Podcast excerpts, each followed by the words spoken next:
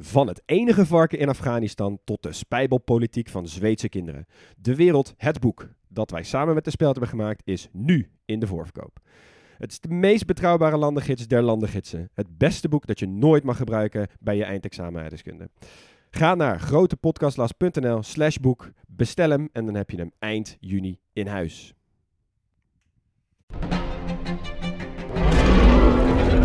Maarten van Rossum en ik, Gijs Rademaker, nemen je mee naar de tijd van de dinosauriërs.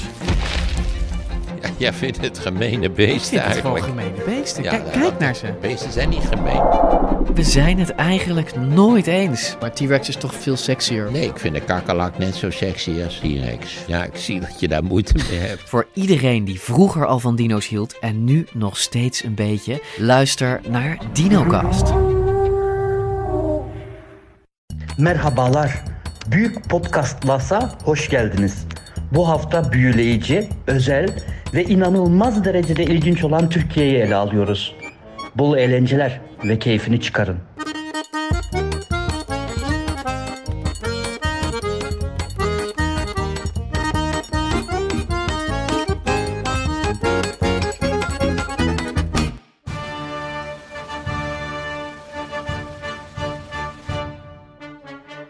Wat betekent Turkije voor ons Nederlanders? Het is maar wie het vraagt. Een tweede thuisland, een vluchtelingenfuik, een zonvakantie, een handelspartner, een scharnierpunt tussen Europa en Azië en zo kunnen we nog wel even doorgaan.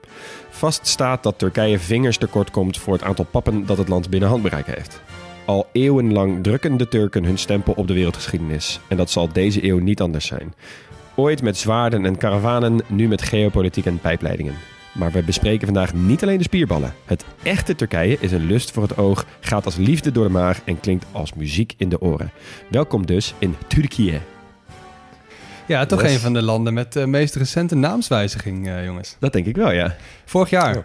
hebben ze besloten om eh, de Engelse versie van eh, het land, dus eh Turkey was het vroeger, zoals Ja. in Kalkoen. Nu Ja. is het gewoon Turkije. Ja, ja. ik vind het wel wat hebben. Meteen even noteren. Ja, ja. En het is ook weer een land sinds eh, heel veel Nederlandse provincies. zo inderdaad. Ja, dat is inderdaad wel weer even andere koek. Even terug naar wat we eigenlijk gewend zijn. Ik heb het ook wel gemist hoor, moet ik zeggen. Ja? Zeker. Ik ook. Ik vond de provincies heel leuk, maar eh, eh, ja, het- ja, dit is toch ook wel weer meer dingen tegenkomen die je nog helemaal niet kende. Ja, Ja, ik voel me wel meer meer zoals eh, vroeger, dat je gewoon denkbeeldig lekker aan die globe aan het draaien bent, weet je? Dat je Ja. weer lekkere verre streken mag ontdekken. Ja, je mag weer lekker op reis gaan. En Max en ook meteen natuurlijk wel niet het minste land te Inderdaad. pakken. Ja, ja, en, eh, ja, inderdaad. En Max, jij zei eh, voor de opname heel treffend dat we nu een land behandelen waar misschien wel meer mensen zich mee identificeren in Nederland dan met de gemiddelde provincie. Ja. Ja. dat denk ik wel. Van in ieder geval met menig provincie. In ieder geval met menig Ja. provincie. Dat vind ik Ja. ook wel een interessante vergelijking. Ja, goed. Ja. Wat vonden we van Turkije? Even kort. Ja, mega interessant. Ja, dit is Ja. geopolitiek, maar letterlijk geopolitiek. Want het is geografisch gezien, ligt het op een politiek veld tussen Azië en Europa en Afrika, als je nog een beetje verder kijkt. Het is heel actueel eh, op een hele verschrikkelijke manier, maar ook binnenkort omdat er verkiezingen aankomen. Eh, el- je kan je de krant, welke krantensite je ook openslaat, als je het woord Turkije zoekt, krijg je de meest interessante analyses. Het is, Ja. het is gewoon echt, ja, je moet jezelf tegenhouden om niet te Ja. diep erin te gaan. Ehm, wat het ook lastig maakt, want volgens mij zijn er heel veel mensen die heel veel weten over dit land. Nou, aan ons, om, eh, aan ons de mooie taak om er even iets moois van te maken dan, jongens. Ja, nou, Zullen we maar beginnen met het paspoortje van Turkije? Nou, we hebben de naam in ieder geval gehad. Dat hoeven we niet meer te doen. We kunnen meteen door naar de ligging. Want het is maar wie het vraagt. Eh, ligt Turkije in Europa of in Azië? En hier is gelukkig wel een eenduidig antwoord. Het ligt in Europa en Azië. Ja. Dus een klein stukje in het westen is Europa. En dan dat grote oostelijke stuk, het Anatolisch schiereilandstuk, is Azië. Die worden van elkaar gescheiden door de zee van Marmara. En door twee zeestraten, de Dardanellen in het zuiden en iets bekender de Bosporus. Dat is ook meteen de stad die Istanbul, de grootste stad van Turkije, in tweeën splitst. Ja.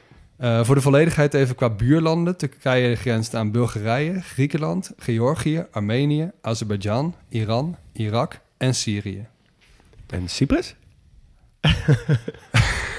Ja, nou, het is maar wie het vraagt. Als Ja. je het een Turk vraagt, misschien ook wel aan Cyprus. Ja. Ja. De oppervlakte in ieder geval eh, bijna 19 keer zo groot als Nederland.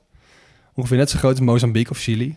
Aantal inwoners. Als je Chili opvouwt, heb je ongeveer Turkije. Ja, Opgerold. ja. ja. als een stuk bladerdeeg. Ja. Ja. Aantal inwoners bijna 85 miljoen. Eh, hoofdstad Ankara bijna 6 miljoen. Maar mensen kennen natuurlijk wel vooral de stad Istanbul. Het is lastig om te definiëren, maar met zo'n 15 miljoen inwoners wedijveren ze wel met Moskou om Europa's grootste stad. Ja. Kan ik meteen een beetje flauw gaan doen, want maar twee derde van de mensen woont in het Europees deel. Ja. Mocht dat nog Ja. eens doen met je lijstje. Ja. Ja, daarom was Moskou ook de grootste stad die volledig in Europa ligt. Kijk Ja. aan, daar Ja. ga je. Ja. Nou, de valuta noemen we sinds kort ook even de lira in Turkije. Eh, de religie is overwegend islamitisch. De taal is Turks als officiële taal, dus niet Koerdisch. Hoewel dat wel veel gesproken wordt in Turkije. Dat 12% van de mensen ongeveer. En ga je verder naar het oosten, dus meer de Caucasus in... dan kom je dus die lappendeken tegen van allemaal van die taaltjes... die kleine taaltjes die, die daar veel, veel liggen. De achternamen, dat is dan wel weer een mooie... want Turkije heeft echt die hele karakteristieke Turkse achternamen. Ik noem even een Yilmaz, Kaya, Demir, Çelik, Sahin, Yildiz, Yildirim en Öztürk. Ja, ja. Ja, Veel politici en voetballers. ja. Nou ja, ja serieus. En ik denk dat de puntentelling bij Scrabble ook wel anders is in Turkije dan, dan bij Nederland. Ja, maar voor die de- Z krijg je niet veel, nee. dus, eh, of de, de Griekse ei en de... U met de omlaut. ja, precies. En de Z. Ja. Ja. Nou, dan de vlag nog even, jongens. Het is een rode vlag met een witte ster en een halve maan erop. Rechtstreeks overgenomen van het Ottomaanse Rijk. Ongeveer dezelfde vlag. Eh, die ster en die halve maan komen dus ook uit die tijd. En omdat het Ottomaanse Rijk dominant was in de islamitische wereld...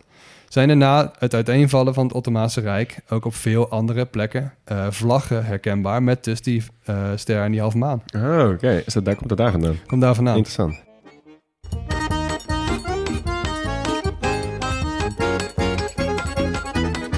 Nou, ik eh, trap hem af met misschien wel het allerlastigste hoofdstukje van, van deze hele aflevering.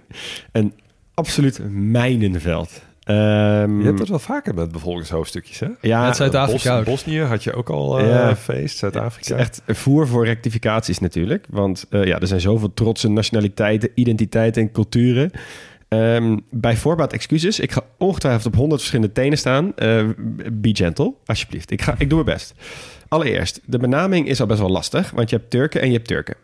Je hebt het Turkse volk en Turken uit Turkije, zeg maar. En Turkse volkeren, nou dat zijn...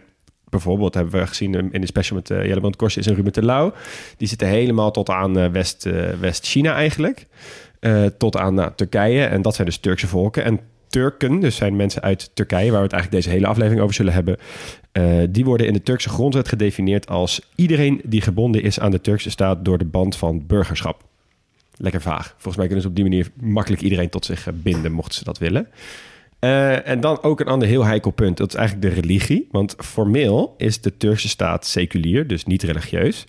Uh, dat heeft het ook als karakter. En dat staat dus ook in de grondwet. Er staat geen verwijzing in naar moslims of de islam.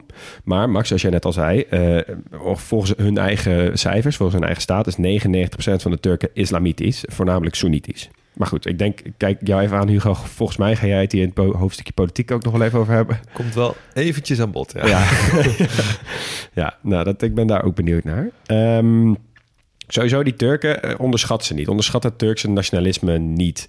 Uh, een heel sterk gevoel voor nationale trots. En uh, je merkt echt overal dat opmerkingen die het land, de cultuur of zelfs de, de vlag bekritiseren... of de politiek, ligt een beetje aan wie je spreekt... Uh, die kunnen mensen echt tot op het bot beledigen. Um, en let daar dan ook mee op. Dat bijvoorbeeld een veelgemaakte fout is, die ik op internet veel lees. In Nederland zou het misschien meevallen, maar ik weet het niet. Is dat mensen Turkije Arabisch noemen. Ja, dat moet je echt niet doen. Ja. Ja, kijk, de Arabische wereld is eigenlijk, dat strekt zich uit, uh, bronnen verschillen, maar over het algemeen wordt aangenomen, dat strekt zich uit van ongeveer Marokko tot aan Irak. Dus hè, daar wonen veel Arabieren. En uh, de Turken, de, de Turkse volkeren, zijn echt andere volken. Die wonen dus in Turkije. Uh, en binnen die Turkse volken heb je dus daar ook weer verschillen. Ook binnen Turkije. Je hebt, nou, zoals ik net al zei, de Turks sprekende volken. Dat zijn dus onder andere die Turken. Maar denk ook bijvoorbeeld uit Azerbeidzjanen en Oezbeken. Maar ook Oeigoeren vallen daaronder. Tot zover naar het oosten gaat het, hè? Tot zover ja. naar het oosten is echt insane. Maar in Turkije wonen natuurlijk ook heel veel Indo-Europees sprekende volkeren. Hè? Dus denk aan oude Balkan. Uh, Koerden vallen hier ook al onder. Uh, de Semitisch sprekende volken, dat zijn bijvoorbeeld de Arabieren en de Joden. Die hebben natuurlijk ook wel gewoon veel. Uh, ja. En tenslotte de Caucasisch sprekende volkeren. Dus dat zijn de Georgiërs en de Tsjetsjenen. Dat is een beetje ja. hoe ze zichzelf een beetje indelen qua volkeren die ja. er wonen. Um, overigens, een ander feitje. Uh, geschat wordt dat de meeste Roma eh, hè, dus met een beledigend woord, de zigeuners eh, van de wereld in Turkije wonen. Ergens tussen de 2 en 5 miljoen.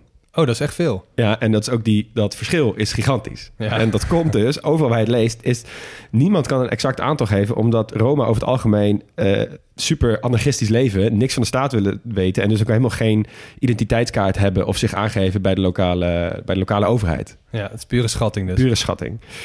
En dan, eh, de wat mij betreft eigenlijk allerlastigste kwestie van dit land. Want het alleen al benoemen weet ik zeker dat sommige mensen beledigd zullen zijn. Dan heb ik het over de De Koerden? Absoluut. Ja, het is lastig om, ehm, om het af te bakenen. En ik denk eerlijk gezegd, hoe meer ik erover lees, hoe meer we, eh, ik bijna geneigd ben om het ook een beetje over te schuiven naar Irak. eh, als we het over Irak gaan hebben. Want daar zitten uiteindelijk ook echt heel veel Koerden. En hebben ze uiteindelijk nog de meeste, het meeste te zeggen tussen aanhalingstekens. Want het is eigenlijk een Iraans etnische groep van oudsher. Eh, komen uit het bergachtige gebied van eh, wat heet Koerdistan in West-Azië. En dan heb je eigenlijk Turkije, Iran, Irak en Syrië. Die vier landen. Daar middenin zit zo'n pluk. En volgens mij is dit ook een van die voorbeelden van een, een, een volk eh, zonder land. Ja, Hè, dus zonder eh, dat ze nergens de meerderheid ja zijn. absoluut. Heb je helemaal gelijk. Want dat is wereldwijd de grootste bevolking eh, zonder land. Betekent niet dat ze allemaal eensgezind zijn. Want in de geschiedenis hebben bijvoorbeeld de Iraanse en de Irakese Koerden ook nog wel eens tegen elkaar gevochten. Maar ja, dat zie je in meer eh, landen natuurlijk. Ja, grappig. Ik wist eigenlijk helemaal niet dat het een Iraans volk is. Maar nu ik erover nadenk, de Koerdische vlag gebruikt de pan-Iraanse kleuren. Ja, Rood, wit, groen. Ja. Zoals Tajikistan met die zon in het midden. Ja, Ja, ja, interessant. Ja, Dus inderdaad. Makes sense. Nou, de, de Koerdische bevolking wordt geschat over al die landen heen tussen de 30 en 45 miljoen. Ook wederom hier lastig om eh, echte aantallen te benoemen. Ehm, en eh, ik heb verschillende bronnen gelezen, maar het is altijd een beetje ergens tussen de 18 en 25 procent van de Turken is een Koerd. Dus dat is echt nog wel een significant deel van Turkije Ja. die zich identificeert als Koerd. Ehm, nou, tot zover het hoofdstukje eh, Koerden. Ehm, dan nog even een klein uitstapje naar eh, deze regionen. Want de Turken hebben een gigantische diaspora. En dan bedoel ik in dit geval mensen uit Turkije en niet het Turkse volk. Eh, en dan wil ik eigenlijk een quizje voor jullie doen. Eh, qua etnische Turken. Ehm, waar vind je de meeste in pure af, in absolute aantallen eh, etnische Turken in de wereld? Buiten Turkije. Nou, laat ik eens een safe bet beginnen. Eh, Duitsland. Duitsland absoluut. Ergens tussen de safe 3 en 7 miljoen. Ik denk dat Nederland ook hoog staat. Nederland staat dus eh, tweede. Ergens tussen de 500.000 en 2 miljoen. Ook. Zo. Ja. Ja. Mogen we dan ook het quiz hier afronden? nee, nu moet je er nog drie noemen. Ehm, Mag ik... in eh, Frankrijk misschien? Ja, Frankrijk drie. Ja. Die gaat lekker, boys. eh, Zwitserland? Eh, Zwitserland staat niet op de kaart. Oh. Nou, die laatste zal ik je geven. Eh, dat zijn de VS en het Verenigd Koninkrijk. Ehm, en eh, daarna gaat het heel snel van België naar eh, nou, bijvoorbeeld landen als eh, Zweden en Rusland. Ehm, maar ik wist wel... eh, kijk, je ziet hier natuurlijk in Nederland heel veel Turkse invloeden... en heel veel Turkse achternaam, Turkse Nederlanders. Maar dat wij de na Duitsland grootste diaspora van Turken zouden hebben... dat, dat had ik je niet gegeven, eerlijk gezegd. Ja, ik wist dit wel. Het stond me wel ergens iets van bij. Zeg maar, het verbaast me niet heel erg. Maar als je erover nadenkt, is het echt wel heel bijzonder. Ja, zeker omdat wij natuurlijk veel minder inwoners hebben dan Duitsland. Ja, Ja. mooi. En Frankrijk dus. Ja. Nou, voor de geschiedenis eh, gaan we eventjes een heel groot stapje terug doen. En eh, eigenlijk een stapje terug tot het moment dat ik weer een geschiedenis loten van een supercomplex land. Toen dacht ik, oh ja, waar moet ik in de hemelsnaam beginnen? Ja, je weet, als ik bevolking lood, dan krijg jij de geschiedenis. Vaak wel, ja, precies. Nou goed, in ieder geval, ehm, ik eh, ga het om overzichtelijk te houden even opdelen in drie blokken. Eh, eerst Byzantijnse Rijk tot 1453. Daarna Ottomaanse Rijk tot net na de Eerste Wereldoorlog en sindsdien Turkije. Ja, Dat zijn de drie dingen. Van, van kort naar lang, want ja, we zijn geen geschiedenispodcast. precies. Byzantijnse Rijk begon eh, rond de vierde eeuw als oostelijke provincie van het Romeinse Rijk. Dus het westelijke deel, hè, Italië en zo, stortte toen in, verbrokkelde eigenlijk. En onder leiding van Constantijn de Grote zeiden ze eigenlijk van... joh, wij, gaan, eh, wij stoten het westelijke deel af en wij gaan naar het oosten. En we verplaatsen daar gewoon alles, ook het machtscentrum, we verplaatsen naar het oosten. Constantijn, voel ik hier iets aankomen? Eh, zeker, want hij deed dat eh, naar de stad Byzantium, die hij meteen maar eventjes hernoemde tot Ja. Constantinopel. Jee. En dit is dus wel interessant dat dat eigenlijk gewoon in feite een voortzetting was van het Romeinse Rijk, eh, vernoemd naar stad Byzantium. Die inwoners die noemden zichzelf ook gewoon Romeinen. De naam van het Byzantijnse Rijk is eeuwen later pas bedacht eh, om meer duiding te kunnen geven eh, aan het verschillende fases in het Romeinse Rijk. Ja. bedacht door een Duitser. Ehm, dus een inwoner van het Byzantijnse Rijk in destijds eh noemde zichzelf helemaal geen Byzantijn. Oké. Dus ga je daarheen, tijdreizen, en je vraagt hoe het er nou is als inwoner van het Byzantijnse Rijk, hij heeft echt geen idee. Ja, zit hij aan te kijken, wat lul jij Ja. nou? Ja. Maar, ja. Dus ehm, in ieder geval, de eeuwen daarna ging het een stuk beter. Eh, eigenlijk kun je het beste samenvatten als een supergroot rijk... dat ook weer een, een heel groot deel van het Middellandse Zeegebied besloeg. Eh, in Europa was het meest westelijke deel, ironisch genoeg, weer Italië. Eh, heel veel culturele uitwisseling betekende dat, met heel veel andere regio's ook. En in die tijd zag je ook dat er een toenemende migratie was vanuit het oosten... met Turkse volkeren, Leon heb je hem, die ook de islam meebrachten. Hey, Want tot die tijd was het Romeinse Rijk natuurlijk gewoon een christelijk rijk. Ja. ja. Nou, het verdient meer aandacht dan dit, maar lang verhaal kort. Eh, het ging heel goed met het Byzantijnse Rijk. Had een bloeitijd, eh, ging minder goed, verschrompelde en viel uiteen in hele kleine sultanaten en staatjes. Dan hebben we het over 12e, 13e eeuw. Ja. Ik kan het even niet langer maken dan dat. Eh, dus ze zijn niet overgenomen door een ander groot rijk. Dat is wel interessant. En wat ook wel interessant is, dat Byzantijnse Rijk was destijds dus toen aan het eind alleen nog maar het gebied rondom de stad Constantinopel. En overal begonnen weer nieuwe staatjes op te komen. En een van die brokstukjes van die staatjes was tussen wat wij nu als Istanbul en Ankara kennen, het Osmaanse Rijk van Osman de Eerste. Mhm. Zijn we ook wel Ottomaans gaan noemen. Dus zie het eigenlijk als een schoolklas waar één leerling in zit, toevallig, die later ineens heel beroemd wordt. Hè, dus eh, echt een wereldster wordt. Je weet alleen nog niet wie het is. Ja. Nou, dat was dus het Os- Osmaanse Rijk. Zorgt wel voor een heel bijzonder tv-format, denk ik. Ja, laten we dit niet gaan testen in de praktijk. Nee. Maar het is wel een, eh, een analogie waar we even iets meer aan, eh, aan hebben voor het duiden. Eh, zij breiden zich best wel lekker uit, ruimtelijk gezien, en veroverden in 1453 Constantinopel. Dat is ook wel meteen het einde van wat we nu kennen als Byzantijnse Rijk. Ja. Dus die twee, die hebben dus wel tegelijkertijd bestaan. ja, en die Osmanen, even voor duidelijkheid, die waren islamitisch, hè? Ja. Dus daarmee is eigenlijk ook de, het christendom en de, de Oosterse orthodoxe variant van het christendom Helemaal- verdreven uit Constantinopel. Helemaal verdwenen. Ja. Dit, dit heeft trouwens ook wel echt, moet ik er nu ineens aan denken, een heel potentieel leuke quizvraagje in zich. Namelijk, hoeveel landen ken je die vernoemd zijn naar een persoon? Ja, ja, dat Ja. zijn er stiekem dan toch een stu- stuk meer dan je denkt. Ja, maar goed, Ja. maar die bewaren voor de pukquiz. Ja, het Ottomaanse Rijk bestaat ook niet meer, dus dat is lekker makkelijk. Ja, dat is waar. Maar goed, zij waren wel echt veroveraars. Hè? Ze noemden eh, hun eigen rijk ook geen rijk, maar sublieme staat. Dan, dan heb je ambitie. ja. Ehm, eerst de Balkan, toen de rest van wat wij dus nu Turkije noemen, dus Anatolisch Schiereiland en een groot deel van de Arabische wereld ook. Het hele gebied van de Middellandse Zee, het hele gebied van de Zwarte Zee eh, en Europa tot diep in Hongarije. Dat Ja. was allemaal van het Ottomaanse Rijk op het hoogtepunt. En ze waren gevreesd, hè, want ze brachten zeker in Europa een nieuwe religie binnen. Maar ze hadden ook gigantisch veel culturele uitwisseling met Europa. Dat zagen we bijvoorbeeld ook met die vikings, die specerijen handelden met het Ottomaanse Rijk. Ehm, wat wel interessant is, zij, zei- we hebben natuurlijk in andere landen wel eens wel gezien, ook Bosnië bijvoorbeeld en Albanië, dat zij niet echt fanatieke bekeerders waren. Mhm. In het Aziatische deel waren moslims ver in de minderheid, zeker toen dat Aziatische stuk dus steeds groter werd. Uh, maar het Europese deel, daar woonden veel orthodoxe christenen. En die mochten vaak ook wel voort blijven leven uh, onder de term mensen van het boek, hebben we in Bosnië ook besproken. Dus mensen die een religie hadden die al bestond voor de islam, die mochten als nou, ja, toch wel tweederangs burgers, mochten ze voort blijven leven in het Ottomaanse Rijk onder hun eigen religie. Moesten ze alleen wel even dokken. Ja, Ja. Want daar werd echt wel stevige belasting over, eh, over geheven. Uh, en dat konden die Ottomanen weer goed, uh, goed gebruiken voor, nou ja, hè, voor, voor het uh, laten voorbestaan van het land. Ja, zo geven we dus eigenlijk op een hele slimme manier mensen best wel ja, een, een geld uh, Ja. incentive om over te stappen naar van religie. Ja, precies. En wat we in de aflevering Armenië hebben gehoord, is dat uh, Rusland in, in die tijd, het Russische het Tsarenrijk, uh, de orthodoxe christenen in het Osmaanse Rijk eigenlijk beschermde. Hè? Ja. Ja, en je ziet nu ook dat, uh, dat veel van die Balkanlanden, dat die dus nu nog steeds, uh, dat zij uh, nog steeds christelijk zijn.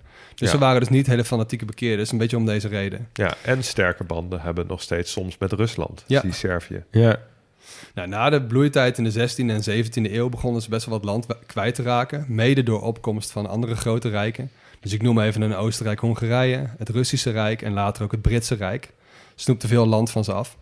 En nu maken we even een grote sprong naar de Eerste Wereldoorlog. Want toen waren ze net ongeveer hun Europese deel al verloren, de Ottomaanse Rijk, in onafhankelijkheidsoorlogen.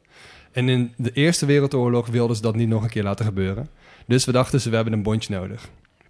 Dit hebben we ook al wel eerder besproken, maar ze wilden eigenlijk eerst graag met Frankrijk en met Engeland. ja. Maar die wilden al met Rusland. Dus toen dachten ze, nou, dan maar met Duitsland. Verkeerde beter niet pakte er inderdaad niet zo goed uit. Want ze verloren dus ook eh, nu als gevolg van de Eerste Wereldoorlog al hun Aziatische delen, die we dus nu kennen tot de Arabische wereld. Dus Irak en Syrië en zo hebben we het over. Ja, ja, oké. Ja.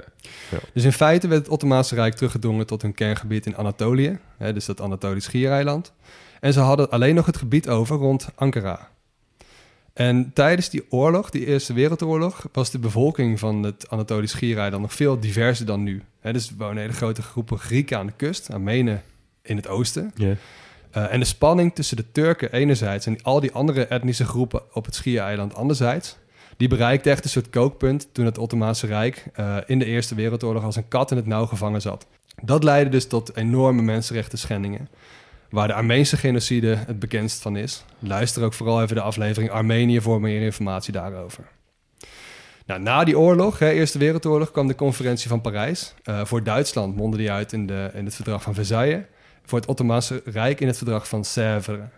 En je kent misschien ook wel zo'n kaart hè, van, van Duitsland na de Tweede Wereldoorlog. Dat ze werden opgedeeld in van die sectoren. Ja. Dat gebeurde ook een beetje met het Ottomaanse Rijk. Dus ze werden opgedeeld eh, in, een, in Franse en Britse protectoraten. Eh, en het deel van wat wij nu als Turkije kennen, wordt opgedeeld onder de Fransen, de Britten, de Italianen, de Grieken en wat dan niet meer.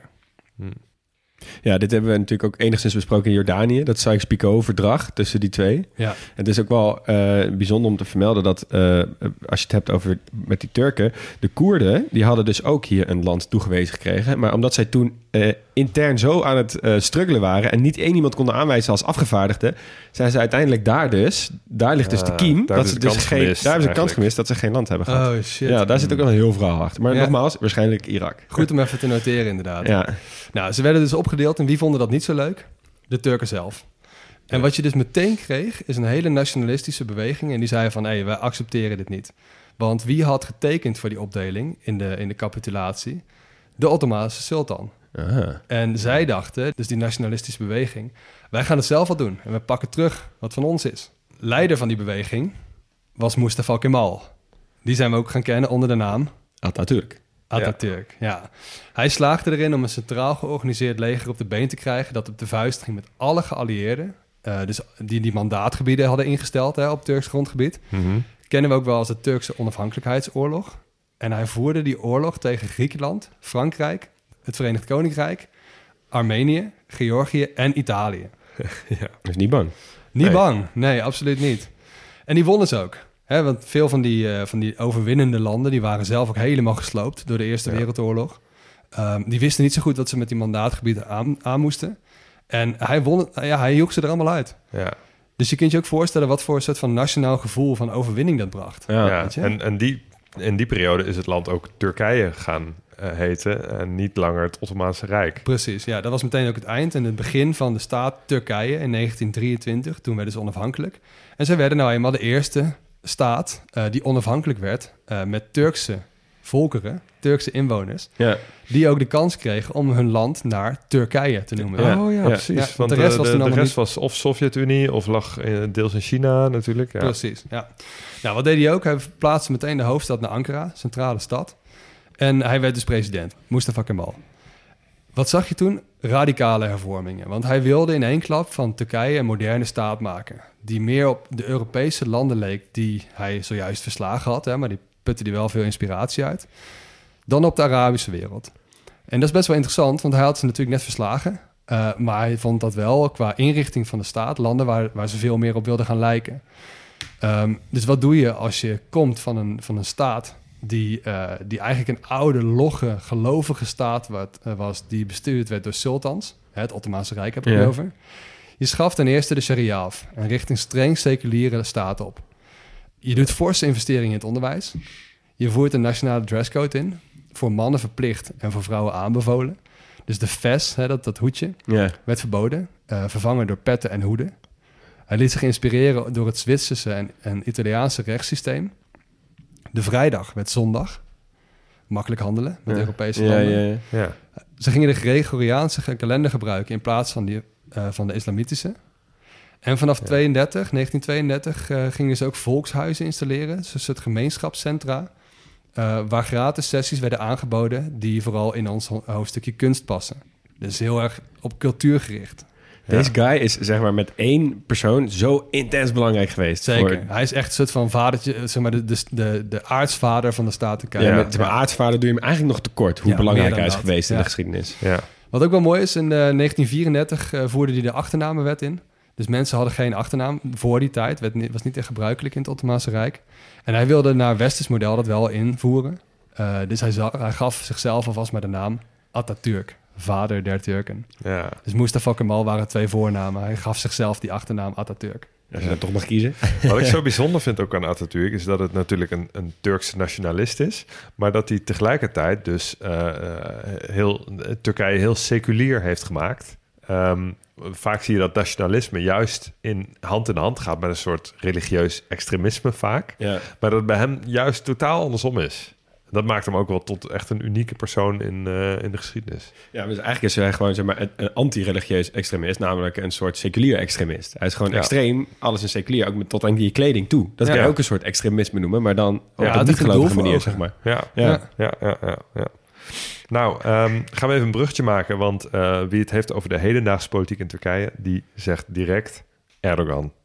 Recep Tayyip Erdogan, om precies te zijn. En ehm, hij is al twintig jaar aan de macht, dus we moeten even eh, nader met hem kennis maken. En daar wil ik ook even goed de tijd eh mee nemen met jullie. Ehm, Erdogan is, eh, is een man van eenvoudige komaf. Hij is deels opgegroeid in Istanbul, maar ook deels in het noordoosten van Turkije aan de Zwarte Zeekust. En hij kwam uit best een arm gezin dus. En hij verkocht als tiener bijvoorbeeld ansichtkaart op straat... en flessen water aan automobilisten die in de file stonden. Dus ehm, eh, ja, de- daar moest hij van rondkomen. Maar het was wel een jongen met talent. Ehm, ten eerste was het een eh, hele eh, verdienstelijke voetballer. Ja. Ja. ja. Hij Ik zag pas een kaartje van Europese landen en Aziatische dan. Ja. Met de leider van nu. Wat hun beroep is geweest eh, in een eerder leven. Ja. Was inderdaad in Turkije ook een voetballer. Ja, maar hij was, hij was voetballer. Hij speelde bij Kasimpasa, een van de, van de vele voetbalclubs in Istanbul. Zelfs Fenerbahce wilde hem op een gegeven moment hebben. Ehm, ja, dus, dus hij kon er echt wel wat van. Hij was ook geïnteresseerd in poëzie. Eh, hij was al heel snel geïnteresseerd in politiek. En hij had aanleg voor spreken in het openbaar. Hij won bijvoorbeeld een eh poëzievoorleeswedstrijd. Dus daarin kwam die interesse voor poëzie en openbaar spreken natuurlijk mooi samen. En ook goede skills op te hebben als je de politiek Ja. in wilt. Ja, ja, ja. Nou, ehm, Erdogan, hij volgde religieus onderwijs, wat in het seculiere Turkije dat Atatürk had gesticht al best bijzonder was. Ehm, eh, dus islamitisch religieus onderwijs en studeerde daarna aan de universiteit. Het wordt betwist of hij die opleiding heeft afgemaakt. Hij zegt zelf van wel, dat, dat moet, moet hij ook wel zeggen, want het is een voorwaarde om eh, president te zijn. wat hij later natuurlijk werd. Dat zou Dus- echt wat zijn als hij na 20 jaar in één keer Ja. af moet treden... omdat hij blijkbaar zijn, pop, zijn dat ligt een, niet beetje, ligt een beetje gevoelig, ja. nou, ehm, hij was dus vroeg politiek geïnteresseerd, religieus opgevoed... en dat leidde ertoe dat hij lid werd van de Islamitische Partij voor de Nationale Redding. En het is goed om je te realiseren dat in dat seculiere eh, Turkije... islamitische politiek altijd op gespannen voet heeft gestaan met de grondwet. En de grondwet in Turkije is gewoon heel goed verankerd... eh, dat er een strikte scheiding is tussen kerk en staat. Ja. En eh, die islamitische partijen in Turkije, die werden dus onder havenklap verboden, weer afgezet door het leger en weer opnieuw opgericht. En Erdogan is daardoor lid geweest van heel veel verschillende islamitische partijen. Als er weer eentje werd verboden, dan weer van de volgende. Ehm, maar die islamitische partijen, dat, wa- dat waren geen partijen in de marge van de politiek. Die hadden altijd wel best een, een aardige aanhang. Gewoon een groot deel van de, eh, van, van de islamitische conservatieve bevolking, die steunde hen. Ja. En eh, Erdogan maakte binnen die, eh, die partij een aardige carrière. En in 1994 werd hij burgemeester van Istanbul namens de Welvaartspartij. Dat is de islamitische partij van dat moment. En ja, Istanbul is natuurlijk een gigantische stad. Dus als je burgemeester bent van Istanbul, Ja, dan heb je dan ben je wel echt een grote meneer. Ja. Ook een mooi parallel met sommige afleveringen hè, die we gemaakt hebben. Dat de burgemeester van van die wereldsteden bekender zijn eh, dan misschien zelfs wel de leiders van het land. Ja, Ja. ja. klopt. Ja. Ehm, Istanbul eh, eh, was natuurlijk een miljoenenstad met, met alle bijbehorende problemen van overbevolking. En Erdogan die heeft hij als burgemeester best succesvol aangepakt. Hij deed wat aan het watertekort, de luchtvervuiling, afvalprobleem, verkeerschaos, al dat soort dingen. Dus ehm, hij was wel succesvol en daar oogste hij ook wel lof mee. Maar hij voerde eh, vanuit zijn islamitische ideologie ook wat strengere regels in. Hij verbood bijvoorbeeld de verkoop van alcohol in stedelijke diensten. eh, voerde aparte badzones in voor, voor mannen en vrouwen. En afzonderlijke schoolbussen voor jongens en meisjes. Dus hij zette zijn islamitische gedachtegoed op die manier ook om in beleid. En dat gedachtegoed heeft hem uiteindelijk ook de kop gekost. Want in 1998 is hij afgezet als burgemeester van Istanbul. Huh. Wat was er nou gebeurd? Hij had een gedicht voorgelezen, want hè, poëzieliefhebber, dat deed hij nog wel eens. Had ik En- even staan hoog houden? Nee, dat nou, weet ik niet, misschien wel. Eh, dat gedicht dat was van Zia Gökalp. En dat is eh, een socioloog en een van de grondleggers van het moderne Turkije samen met Atatürk. En ehm, eh, het enige wat er aan de hand was met dat gedicht, de tekst was verdraaid tot een soort religieus eh, gedicht. Het was een religieus verhaal geworden. En Erdogan die las versen voor met teksten als... Minaretten zijn onze bajonetten, koepels onze helmen, moskeeën onze kazernes en gelovigen onze soldaten. En dat mocht natuurlijk niet Nee. van de Nee. Turkse wet. En daar is hij dus ook voor aangeklaagd, voor afgezet en veroordeeld tot tien maanden gevangenisstraf. En eh, daar is hij dus ook echt de bak voor gedraaid. Oké. En dat, dat illustreert dus wel Dat is heel sterke goed rechtsstaat dan ja, als je dat hoe manier- sterk Turkije was en hoe Ja. sterk het secularisme is, ver- was of is verankerd in de grondwet. Ja, Eh, het is ondenkbaar dat Femke Halsema ja precies. eh, de, de, de bak in zou draaien omdat ze zoiets zou zeggen. Ja. Terwijl mag, wij ook seculier zijn, maar hè, eh, t- toch op een andere manier. Niet zo Ja. streng. ja, maar je mag dus daar wel de leider worden van het land als je in de bak hebt gezeten, maar niet als je je hoger onderwijs niet hebt afgemaakt. Nou, dat eerste had ook nog een beetje voet in de aarde. Daar kom ik zo nog op. Ehm, want wat gebeurde er? Nou, de, de welvaartspartij die, eh, die eh, had door die hele affaire ook wel een deuk gekregen. Die werd daarna ook weer verboden. Ging verder in de deugdpartij. Heeft het ook niet lang volgehouden. Allemaal een goede naam, hè? Ja, inderdaad. Partij voor Nationale Redding. eerste wat je doet als je politiek goed wil verkopen... is natuurlijk een leuke naam verzinnen. Ja. Weet je wel? Ja. Maar goed, die deugdpartij die werd in 2001 ook weer verboden. En toen is er eigenlijk iets gebeurd. Toen zijn de volgelingen van die deugdpartij zich gaan splitsen.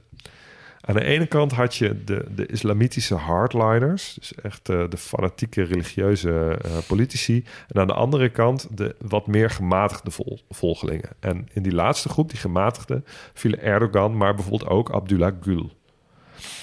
Ehm, en die laatste, die hebben een brede conservatieve partij opgericht. De AK-partij. Hey. En die deze dachten- gebleven, heb ik het idee. Dit is een blijvertje. Ja. Eh, want ze dachten namelijk, als we de macht willen hebben en we willen die houden en niet telkens verboden worden, dan moeten we ons begeven binnen wat er grondwet, grondwettelijk mogelijk is. Niet steeds de, de randjes overgaan. En eh, ze keken bijvoorbeeld naar Europa, eh, naar hoe de christendemocratie dat hier deed. Ehm, en die AK-partij die, die sprak daarmee een heel breed publiek aan, had al snel succes en won de parlementsverkiezingen. Maar Erdogan mocht op dat moment nog geen premier worden. Hij was uit de eh, bak, maar hij was nog geschorst voor politieke functies. Dus ehm eh, eh, Gül, die werd tijdelijk premier, de tweede man. Maar Gül die heeft Erdogan tamelijk snel gezuiverd... en vervolgens kon Erdogan toch zelf premier worden. Oké. Nou, de eerste jaren onder Erdogan ging het heel goed met Turkije. Over begin jaren 2000. Het ging economisch voor de wind. De staatsschuld eh, eh, daalde. Er werden miljarden leningen van het IMF afgelost. Maar tegelijkertijd werd Erdogan ook steeds autoritairder. Ehm, hij ging steeds meer invloed uitoefenen op de media. Gebruikte belastinggeld voor campagnes. Eh, ontstonden steeds meer corruptieschandalen. Dus ja, een beetje foute boel. De eerste barstjes die werden ook wel zichtbaar. Ehm, hij ging ook steeds verder in het eigenlijk ontseculariseren van, van Turkije en maakte het land dus steeds islamitischer. Mhm. En daar kwamen ook best wel protesten tegen. De bekendste kennen we nog wel. Die vonden plaats op het Taksimplein 2013, 2014. Die werden heel hard neergeslagen. Ehm, sindsdien, sinds die protesten is Fethullah Gulen, die we kennen van de Gulen-beweging, notabene een geestelijke, dus een islamitische geestelijke, is zich tegen Erdogan gaan keren. Ehm, eh, maar uiteindelijk is Erdogan deze protesten dus wel eh, te boven gekomen. Ehm, hij had wel een klein probleem, want in 2014 mocht hij niet meer op voor een nieuwe termijn als premier. Daar heeft hij nog geprobeerd van alles aan te doen, maar dat lukte niet. Wat hij wel mocht doen, was president worden. Ja. Maar als president van Turkije had je eigenlijk niet zoveel te zeggen. Want de president van Turkije, dat was een hele niet-politieke ceremoniële functie. Hij moest zelfs eh, zijn, het lidmaatschap van zijn, van zijn AK-partij opzeggen hiervoor. Eh, dus dat heeft hij ook gedaan.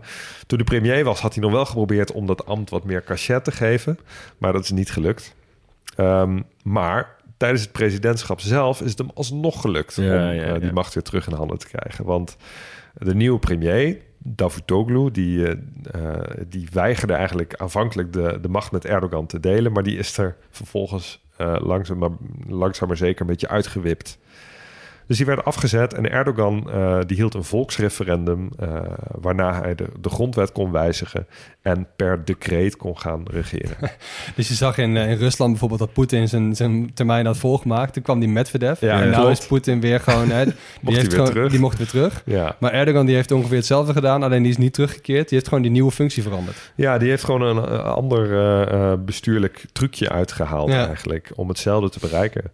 En ehm, daarmee had hij dus ook weer alle touwtjes in handen. Hij had ook geregeld dat hij weer lid mocht zijn van de AK-partij. Dus hij is daar weer aan toegetreden. Hij is daar ook weer partijvoorzitter van geworden. Dus ja, hij zit gewoon eh, stevig in het harnas. Ja. Ja. Ging dat dan helemaal zonder slag of stoot? Nou, nee. Ehm, eh, eh, want in 2016 werd er door tegenstanders, waaronder een aantal hoge legerofficieren, een coup gepleegd tegen Erdogan.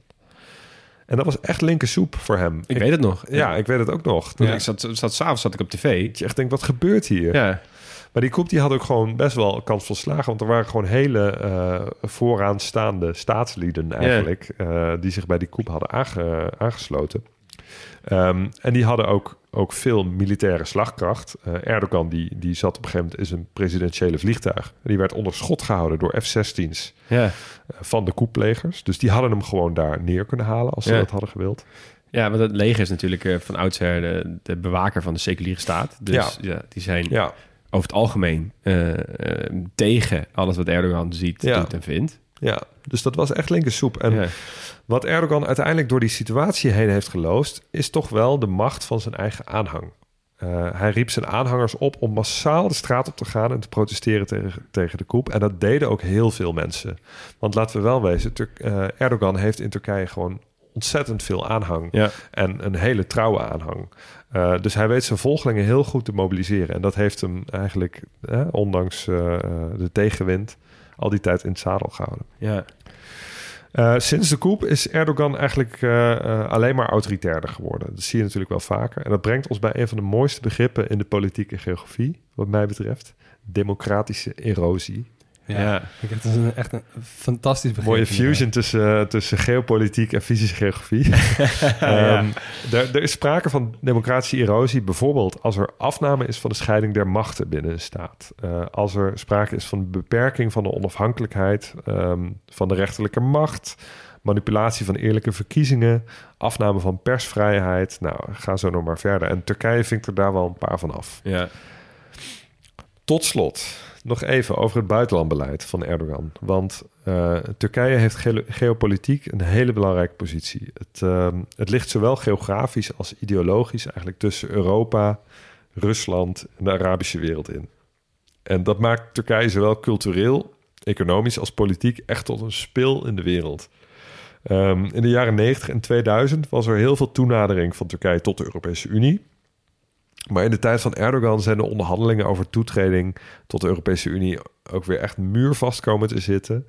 Um, ook vanwege onwil vanuit veel Europese landen, uh, overigens. Maar we, ja, we kunnen dus eigenlijk niet met Turkije, maar ook niet zonder Turkije. Dat nee. is een beetje hoe je de relatie tussen de EU en Turkije kan samen, samenvatten. Ja, mooi Want, gezegd. Ja, ze zijn NAVO-lid. Ze vangen heel veel vluchtelingen op uh, uit het Midden-Oosten... die eigenlijk naar Europa zouden willen. En uh, Turkije, ja, als je, eigenlijk als je één woord zou moeten kiezen om de houding van Turkije in de internationale politiek te duiden, dan zou ik voor het woord ambivalent gaan. ja, ja. Dat blijkt ook wel uit een opstelling in, in de oorlog in Syrië bijvoorbeeld en recentelijk in Oekraïne. Uh, Erdogan is on speaking terms met Zelensky en met Poetin. Ja. Um, dus ja, hij zou ook weer, en heeft dat ook al wel gedaan, een belangrijke rol kunnen spelen in bemiddelingen tussen de twee en in vredesbesprekingen. Dus, Ja. Ja. Hebben we in de special met Olaf Koens ook goed gehoord. Dat hij, uh, dat hij inderdaad ook zei dat Erdogan nu ineens ziet van... hé, hey, wacht even. Nu ben ik een grote man. Ja. Ja, Nou, ik nodig ze allemaal uit en ik, eh, ik speel ze allemaal tegen elkaar uit. ja. Ja. Ja, want inderdaad, want eh, dit jaar zijn er verkiezingen. Eh, en het Ja. ironische wil dat hij dus aan de macht is gekomen na een zware aardbeving in 1999. Eh, Mhm. en dat hij toen heeft, heel erg heeft opgeroepen tot herstel van de gebouwen en een betere opbouw van, van de steden. Ehm, maar ja, nu alsnog zien we dus heel veel slachtoffers. Ehm, Ja. En nu is En maar... dat wordt hem ook aangerekend. Dat wordt hè? hem ook. Eh, nou, niet, niet, ik weet niet in hoeverre heel groot publiek dat ook is, maar er zijn wel heel veel bronnen, in ieder geval hier in Engelstalige en Nederlandstalige bronnen, die wel echt het vingers wijzen naar zijn partij en zeggen: Yo, hallo, eh, jij hebt hier best wel tekort geschoten, vriend. Ja, en hij heeft, hij heeft ook heel veel eh, bouwvoorschriften versoepeld eigenlijk in, Ja. in zijn beleid, waardoor eh, er, er misschien niet zo stevig is gebouwd de laatste eh 10, 20 jaar als zou moeten. Nee, Of in ieder geval niet aardbevingsbestendig genoeg om heel veel doden te voorkomen. nee. Dus wat dat betreft, politiek gezien, wordt het een hele interessante tijd. Zeker.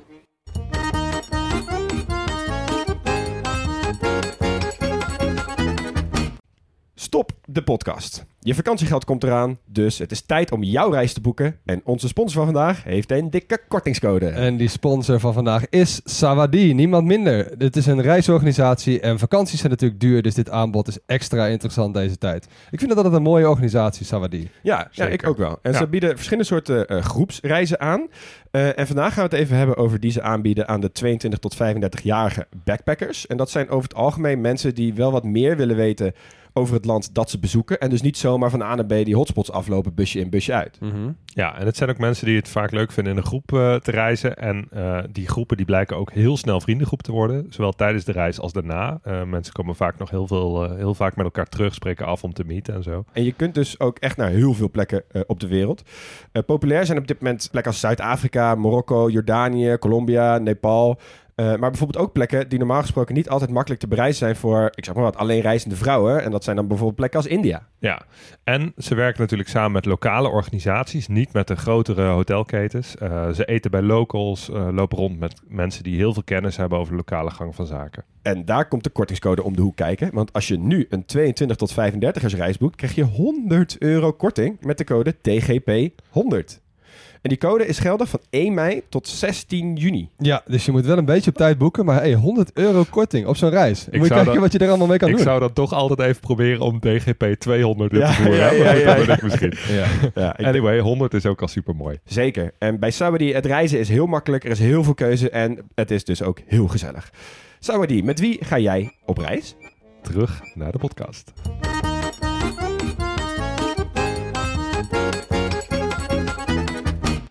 Ja, om mij meteen door te pakken met die fysische geografie. Eh, heel interessant. Turkije, het is eigenlijk een soort mini-continent. Eh, ze hebben echt alles. Eh, woestijn, bergen, heel veel strand natuurlijk. Dat krijg je met, dat, met zo'n schiereiland.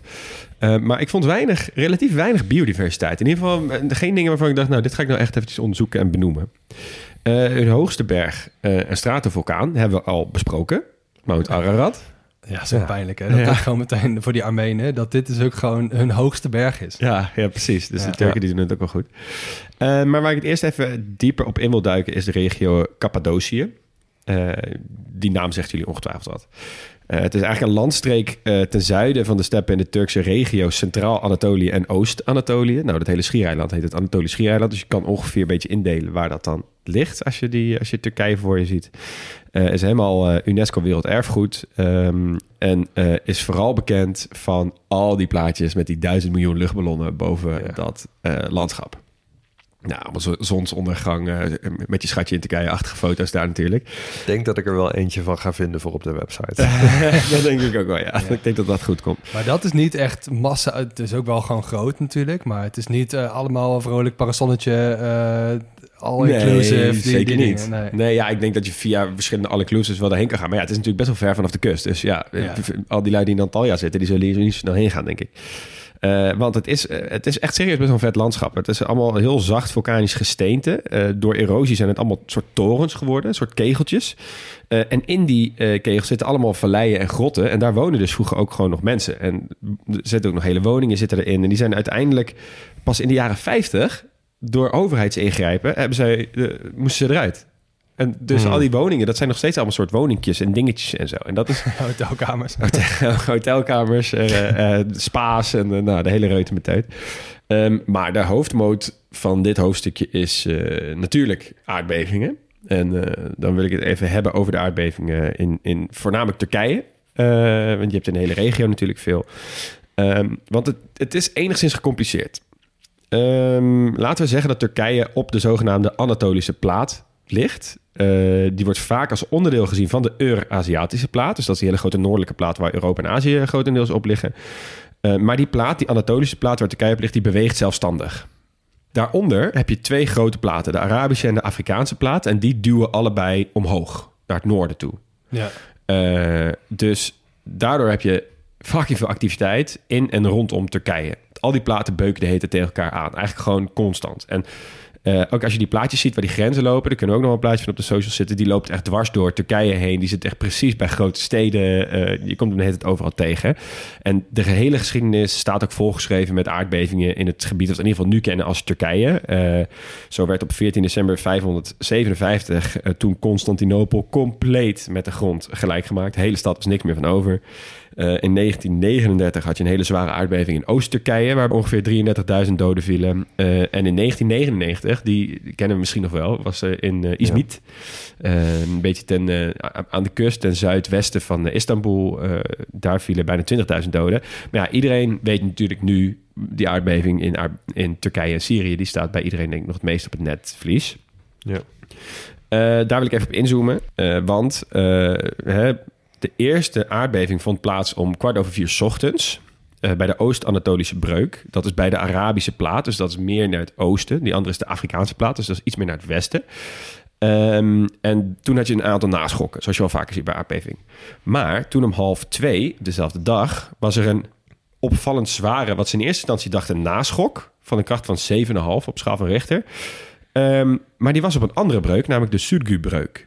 En dat is eigenlijk, het is niet uniek volgens geologen, maar het is wel zeldzaam. Dat er dus in dezelfde periode op twee verschillende breuken bij dezelfde plaat een aardbeving voortdoet.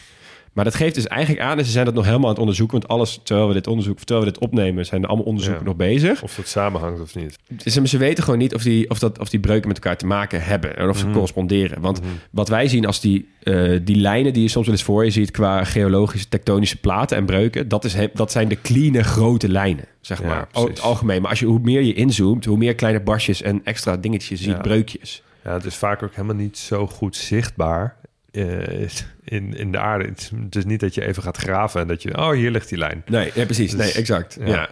Ja. en dat is dus eh, wat dus ook daarmee te maken heeft, is dat er dus recentelijk op 20 februari, dus drie, drie weken later, heeft er weer een aardbeving plaatsgevonden van 6,4 op de schaal van Richter in diezelfde regio. Dus eh, geologen zijn dus nu echt aan het kijken van... oké, waar heeft het, heeft het correspondeert met elkaar? Zorgt het ene voor het andere? Is het een soort domino-effect? Of zijn het echt losse aardbevingen en heeft die regio gewoon pech? Ja, die regio had al pech. De regio had sowieso al pech. Want ze hebben dus, zitten inderdaad altijd al eh, in die platen. Maar waarom ze dus nog meer pech hebben... is omdat die bevingen relatief ondiep gebeuren. Eh, die drie die ik net heb genoemd... zijn allemaal tussen de 10 en 20 kilometer diepte. En daardoor zijn op sommige stukken... komt die, hou je vast... op sommige stukken bewoog de aarde tot wel 8 meter. Dus van het een op het andere moment... is, verschuift dus op die grens... Ja. verschuift dus op die tektonische grens... de hele aarde 8 meter. Ja, kan je Ja. voorstellen wat er dan gebeurt met de stad... Ja, en je precies. dorp. Want dit zijn eh, transversale plaatgrenzen. Hè? Dus, dus platen die langs elkaar bewegen. Dus Ja. de, een, de ene kant op de andere, andere, andere kant. Ja. Dus er is geen sprake van subductie of zo. Nee, nee, nee, precies. Het is niet alsof het een op het ander schuift. Maar Ja. daarom heb je dus 8 meter. Nou, Ja. je, je hebt zijn Schuift het gewoon op, Ja. ja. het schuift gewoon op. Je hebt in die filmpjes, dat is een hele snelweg. Zie je gewoon zo hobbelen en bobbelen. Ja, dat is echt vrij insane. Eh, en het gebied wat is geraakt is ook gigantisch. In totaal 10 provincies in Turkije. Dat is ongeveer net zo groot als IJsland, Servië of Hongarije. Zo. Het gebied dat geraakt is hierdoor. En dan is het dus ook nog in Syrië, waar we het nog niet eens over hebben gehad. Maar eh, ja, dus de, en het, het lastige van deze hele situatie is... iedereen weet dat het gaat gebeuren... en dit wordt nooit de laatste aardbeving zijn. En een van de allergrootste rampscenario's die zich ooit gaat voordoen... is dat Istanbul precies op zo'n grens ligt. Ik Ja. krijg echt hele grote San Andreas vibes hiervan. Hè, daar zijn ze ook zo Ja, bang San. Andreas breuk in ja, Los zeker. Angeles. In, eh, in ja. San Francisco vooral. Dat ze ook weten van ja, we, we zitten hier op een super tricky gebied. Ja, Met een stad van eh, misschien wel 10 miljoen mensen. dat is Ja. ook zo'n eh, transversale breukgrens. Ja, daarom. Die zijn Ja. behoorlijk link, ja. Nou, Leon, bedankt voor dit stukje actualiteit. Eh het is iets, eh, een groot thema dat tegenwoordig wel speelt. Dus even goed om iets meer duiding te hebben. Eh, ik ga het even over de economische situatie hebben. En even minder actueel. Als ik dit verhaal begonnen was rond de eeuwwisseling... dan was het echt een ander verhaal geweest. Ja. Want Hugo, je zei het net al, toen eh, Erdogan ongeveer aan de macht kwam, begin jaren 2000, toen hadden ze echt een gierende inflatie. Ehm, in 2005 hebben ze ook de munt gerevalueerd tot een nieuwe Turkse lira. In feite betekende dat dat ze gewoon zes nullen eraf hebben gehaald. ja, dat is wel de makkelijkste manier om dat te doen, hè? ja, nou ja, die hyperinflatie voorbeelden in de wereldgeschiedenis, ehm, je hebt wel ergere. Hè? Dat zagen we in Zimbabwe bijvoorbeeld. Maar in Turkije was het ook niet best. Nee. Sinds die jaren was het wel best. Want ze hebben best wel wat hervormingen gehad, liberaliseringen gehad. En Turkije eh, tussen 2002 en 2008 is ook wel gaan gelden als een van de snelst groeiende economieën in de hele wereld. Wel even vermelden, ze hebben best wel wat hulp gehad na 9-11. We hebben het er al eerder even Na over gehad. 9/11? Ja, want ze zijn natuurlijk een NAVO-land eh, zijn ze. Ja. En ze liggen in Aziatische deel, Islamitische deel. Hè? Ze waren van de Islamitische Ja, ja, ja. wereld het enige NAVO-land. Dus je kunt je voorstellen wat het deed met het belang van Turkije ineens. Oh, die moesten denken wat... eh, wat, wat, eh, Wat steviger aan de kant van het westen komen te staan. Nou, die Of banden zijn wel aangehaald. Ja, Ja, dat ja, ze. zeker Die veel waarschijnlijk gewoon lucht afweer geschud... en dan van dat soort dingen van... hier, Ja. alsjeblieft, just in Ja. case. Nou, tegenwoordig is eh, Turkije de negentiende economie van de wereld volgens de World Bank. Maar nu komt die. Istanbul is goed voor 40% van de Turkse economie.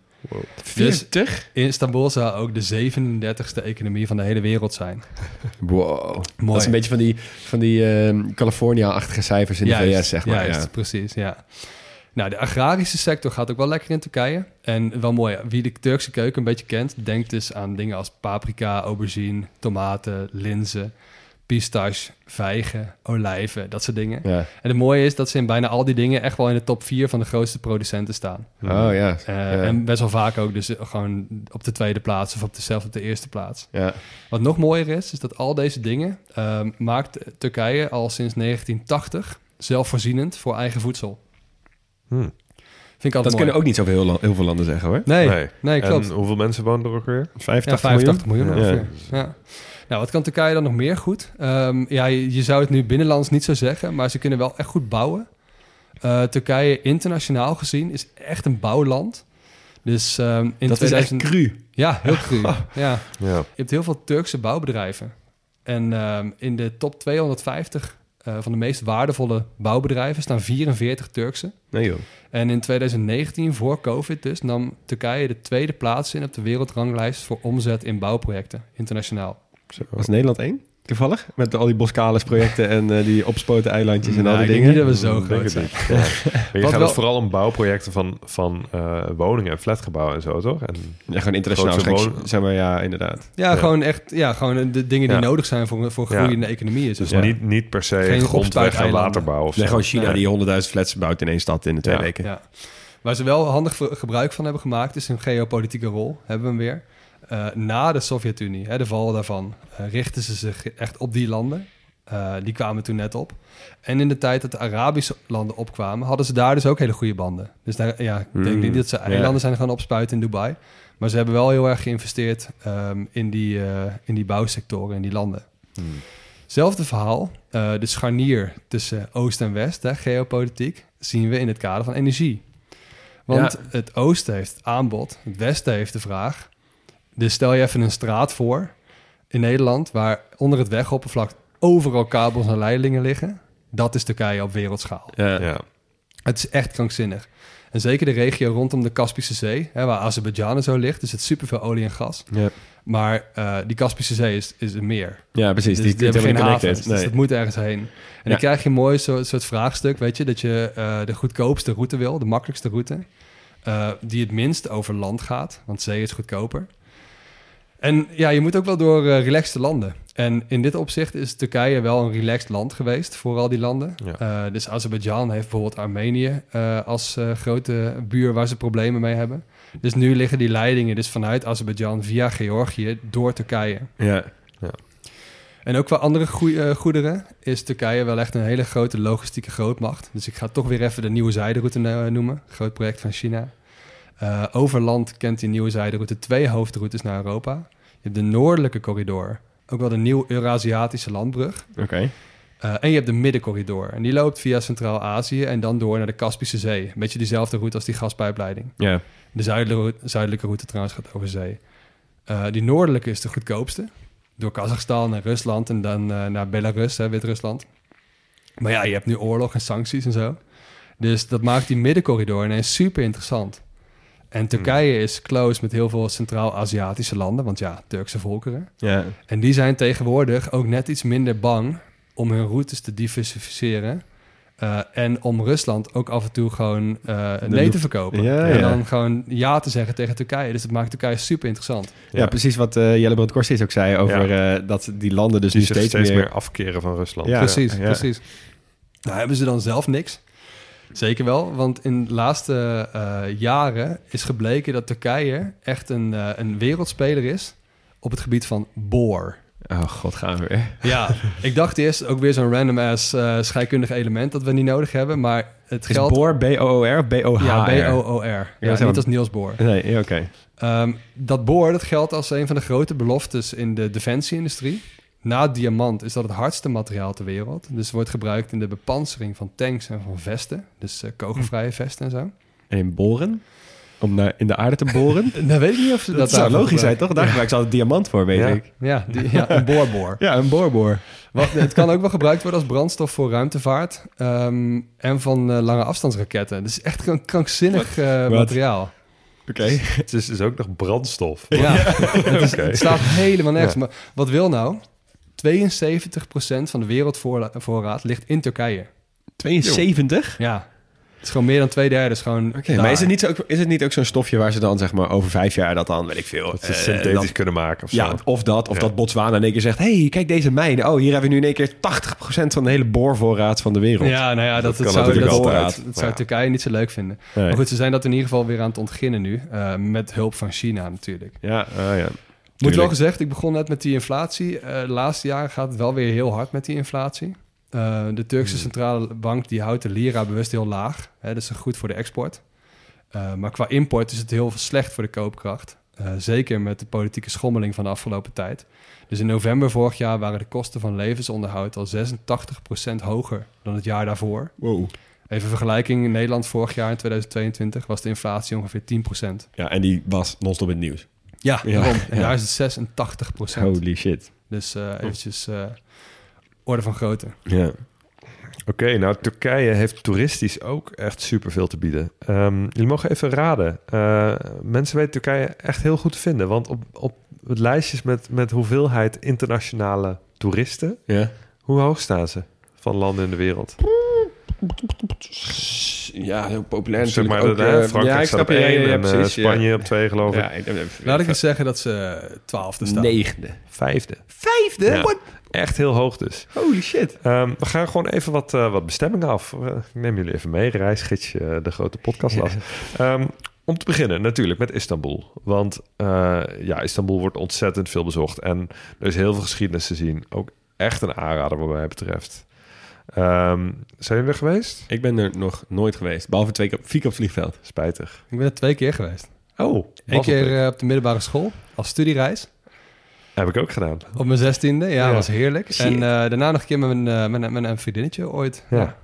Ja, ja ik, ik ben daar ook met de middelbare school geweest in Istanbul, maar ook, ook het westelijk deel van Turkije. Ik, ik, ehm, ik zat op een hele grote school, dus we hadden de enorme luxe dat we bij de eindexamenreizen konden kiezen uit Italië, Griekenland en Turkije. Eh, en die laatste koos ik dus. Ehm, Istanbul natuurlijk geweest. eh, de Hagia Sophia staat me daarbij. En dat is eigenlijk een hele mooie samenvatting van de Turkse geschiedenis. Vroeger was de Byzantijnse eh, kathedraal en sindsdien moskee. Dus sinds, sinds de Osman. val van Constantinopel, sinds Ja. Osman. De Blauwe Moskee, ook prachtig. Topkapi Paleis, waar de Ottomaanse sultans zaten. En ja, echt nog superveel meer.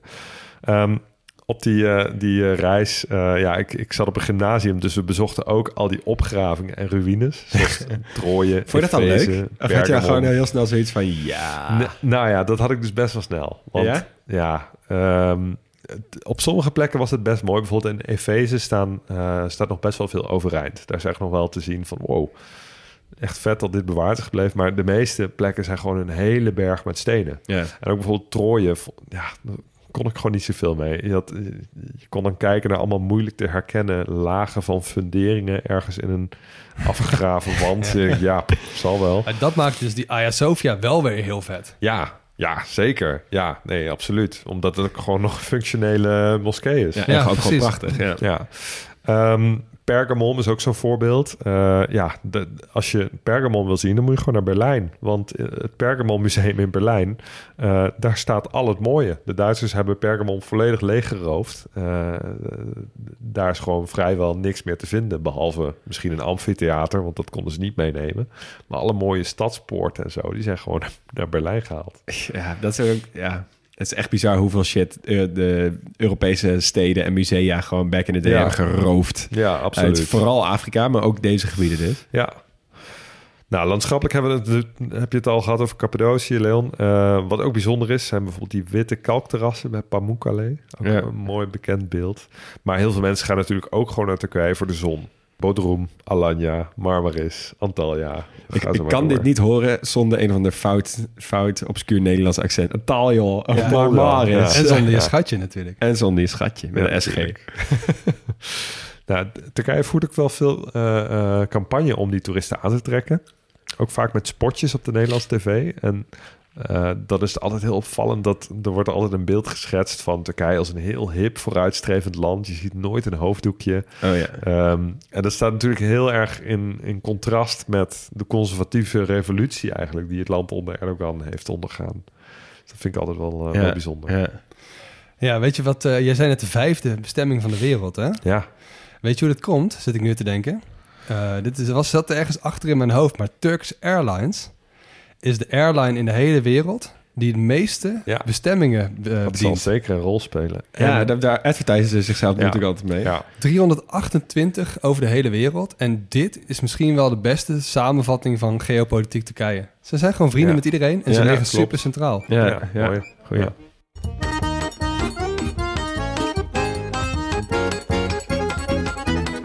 Ik neem jullie mee naar Konya, de begraafplaats van een van de invloedrijkste mensen uit de Perzische en Turkse geschiedenis.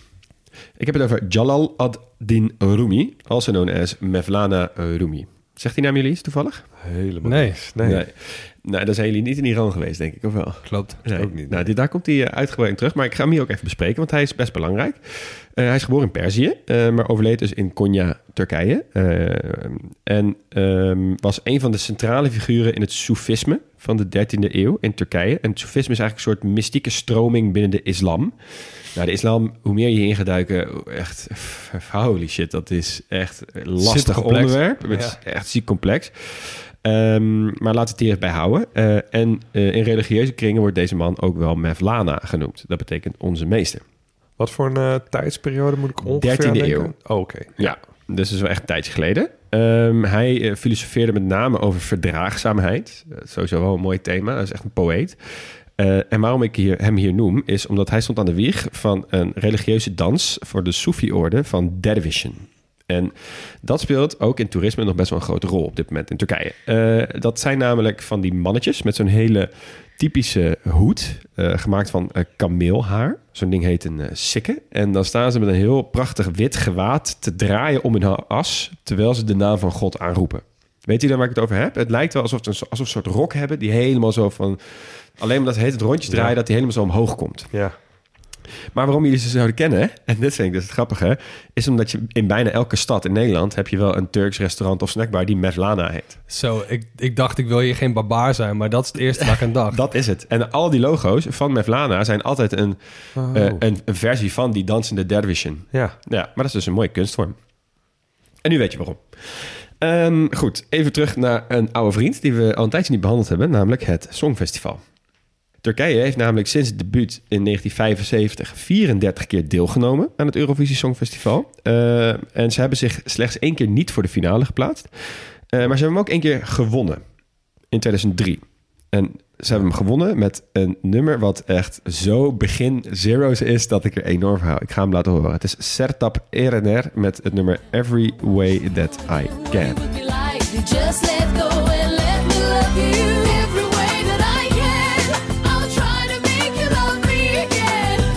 2003? Zo. maar dit is echt Backstreet Boys meets Christina Eh, Aguilera meets Britney Turks- Spears. Turkish pop, ja. Ja, inderdaad. Ja, eh, ja, en een andere grote naam uit die periode is natuurlijk Tarkan? Tarkan. Eh, we Ah, kennen ja. hem allemaal van het nummer Chimarik Chimarik. Kiss Kiss.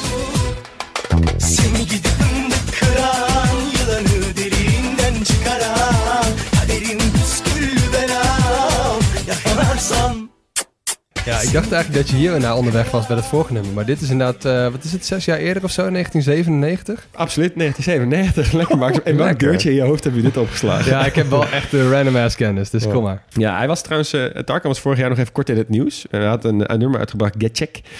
Eh, dat komt eigenlijk neer op het zal voorbij gaan eh, qua tekst. Eh, en heel veel mensen online en veel luisteraars die dachten dus inderdaad... Ik zie Klinkt kijken, politiek. Ja, dat het dus kritiek op Erdogan was. En met het idee van, joh, het komt gewoon voorbij. Maar Tarkan zelf zegt dat het bedoeld was als opsteker voor het gehele Turkse volk. Maar goed, dat is een Ja, klein zo zou ik het ook uitleggen als ik mijn leven veilig zou Ja, zijn. ja. Overigens doet Turkije sinds 2013 doen ze niet meer mee aan het Songfestival. Officieel, omdat ze de regels niet eerlijk vinden. huilie, huilie.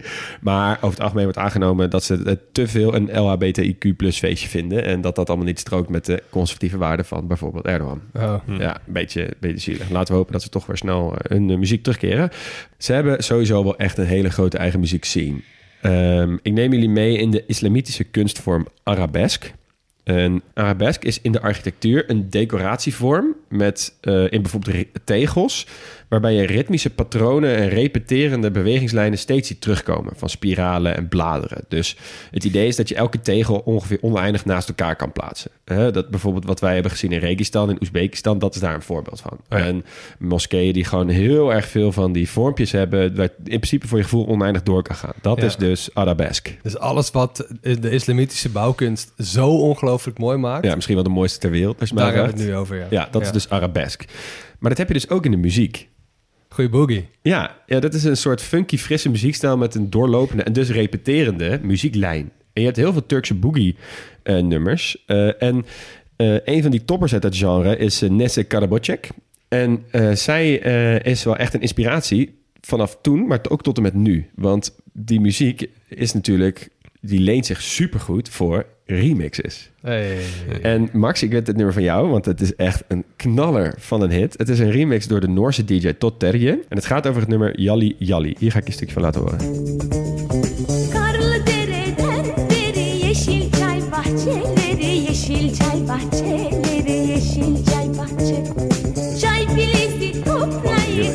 Zo blij dat hij het gehaald heeft. Ik vind dit zo goede muziek. Ik kan hier echt gewoon de hele dag naar luisteren. Ik heb sindsdien ook echt niks anders ongeveer gedaan. Dus eh, bedankt hiervoor. hij komt eh, denk ik niet in de grote popatlas, want hij staat niet op Spotify. Nee, maar ja, als je het toch Ja. hebt over mystieke stromingen, dan eh, blijft het gewoon Precies. Noord dit wel Kunnen bij. wij hem niet gewoon op Spotify zetten? Ja, onder onze eigen naam. Ja, Als aparte aflevering. ja. ja maak er gewoon een aflevering van. Ja. Ehm, ik sluit dit eh, hoofdstukje af eh, met het benoemen van een mooie link tussen ons land en Turkije. Ehm, met de band Gouden Dag. Dat is de Nederlandse vertaling. En in het Turks heten ze Altingun.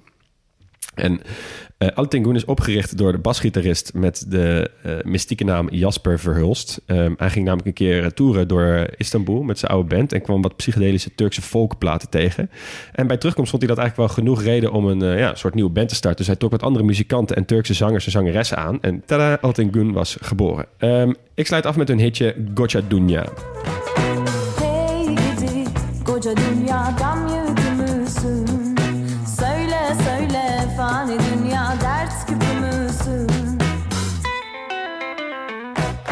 Klinkt ook lekker.